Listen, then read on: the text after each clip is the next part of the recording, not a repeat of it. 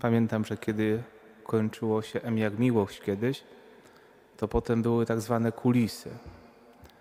Mama oglądała, pamiętam, przy okazji ją też pozdrawiam, bo łączy się z nami przez transmisję internetową i zawsze potem były kulisy.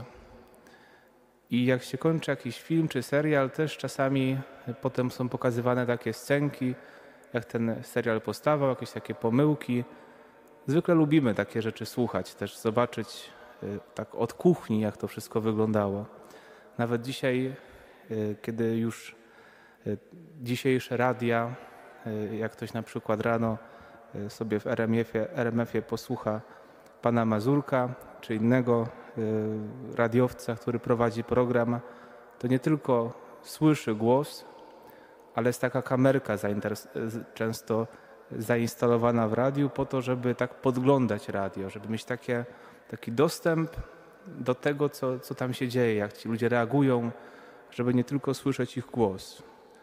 Lubimy kulisy i dzisiaj święto Łukasza Ewangelisty, skoro to ten, który tą Ewangelię napisał, my ją czytamy, czy innych ewangelistów na co dzień, to dzisiaj też takie mamy dostęp do takich kulisów powstawania Ewangelii.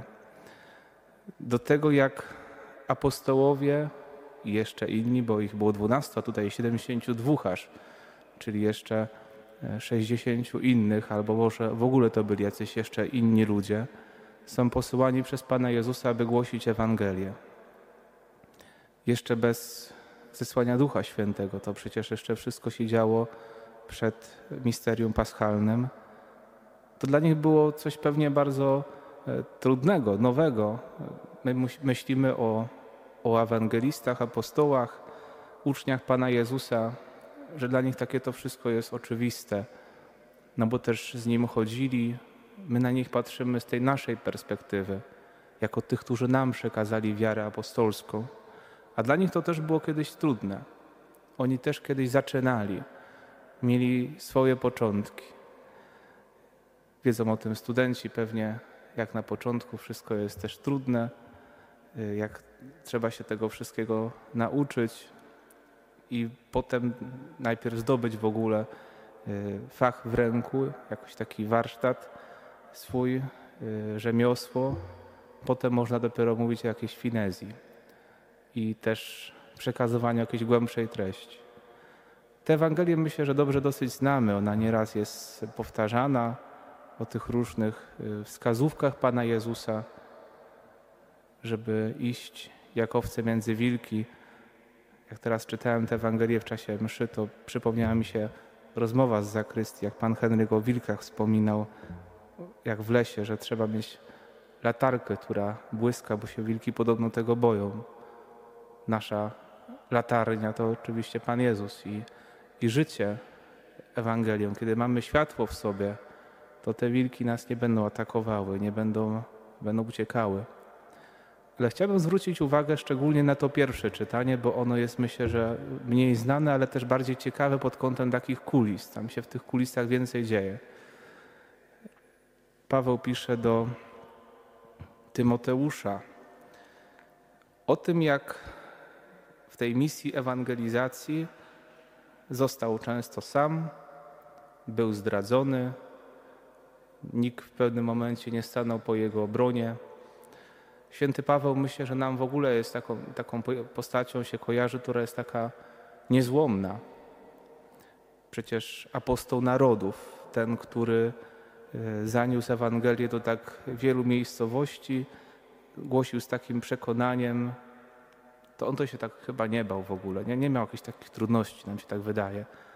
Chociaż opisuje w pewnym miejscu Ewangelii o tym, co go spotykało, ale i tak jakoś to się czyta, no tak, tak takim jeszcze wielkim może zdziwieniem, jak to, wszystko, jak to wszystko dał radę.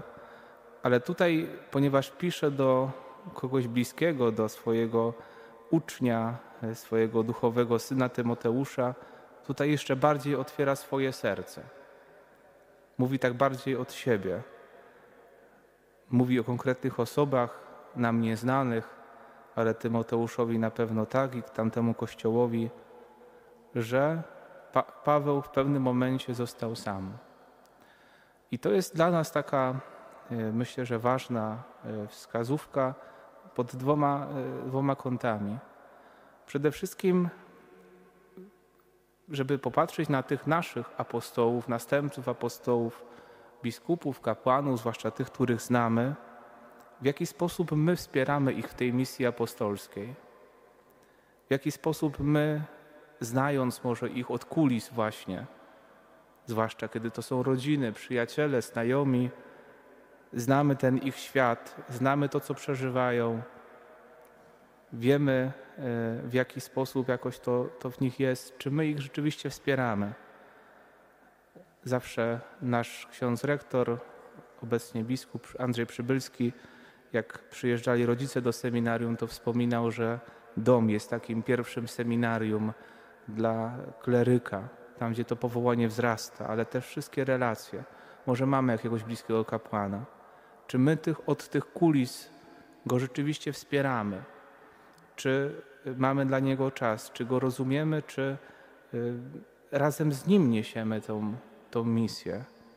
Czy się modlimy za kapłanów wreszcie? Myślę, że tutaj w tym sanktuarium to często się dzieje, zwłaszcza ostatnio tą modlitwę też przypominamy sobie świętego Jana Pawła II za kapłanów.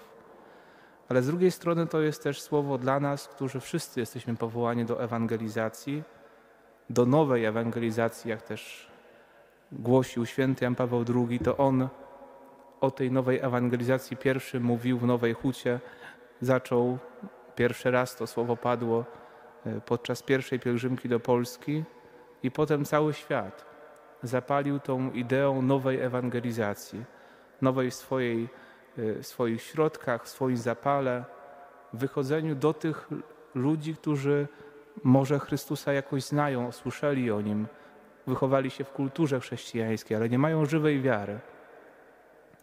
I tutaj jest mowa szczególnie o apostolstwie świeckich nie tylko kapłani, nie tylko biskupi, ale każdy na mocy swojego chrztu, bierzmowania jest powołany do apostolstwa.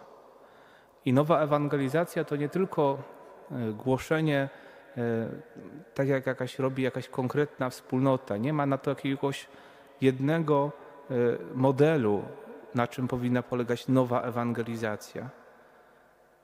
Każda osoba może ją i powinna realizować na swój specyficzny sposób. I będzie nowa ewangelizacja osób konsekrowanych i osób, które e, pracują w różnych zawodach. Ewangelizacja przez media, przez film. To też bardzo ważne dzisiaj, zwłaszcza przez środki społecznego przekazu.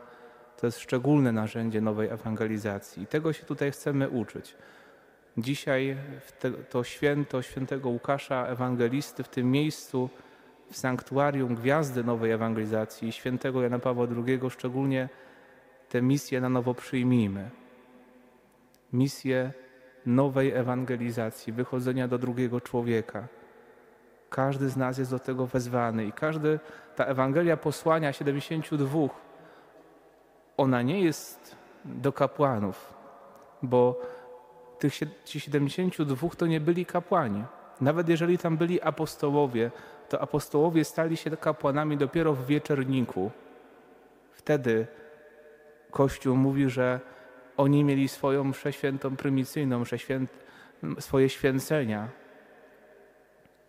Oni wtedy byli wszyscy jeszcze ludźmi świeckimi. I to też, kiedy słyszymy tę Ewangelię o 72, pamiętajmy o tym, że ona jest skierowana do ludzi świeckich. Więc na to wezwanie Chrystusa, posłanie dzisiaj odpowiedzmy, a święty Łukasz niech wyprasza nam tę nową gorliwość, nowe pomysły, nową moc i tą radość głoszenia Ewangelii. O tym mówi papież Franciszek, o radości głoszenia Ewangelii. Kiedy przekazuje się Ewangelię, ona niesie radość i głoszącemu, i temu, do kogo jest ona kierowana.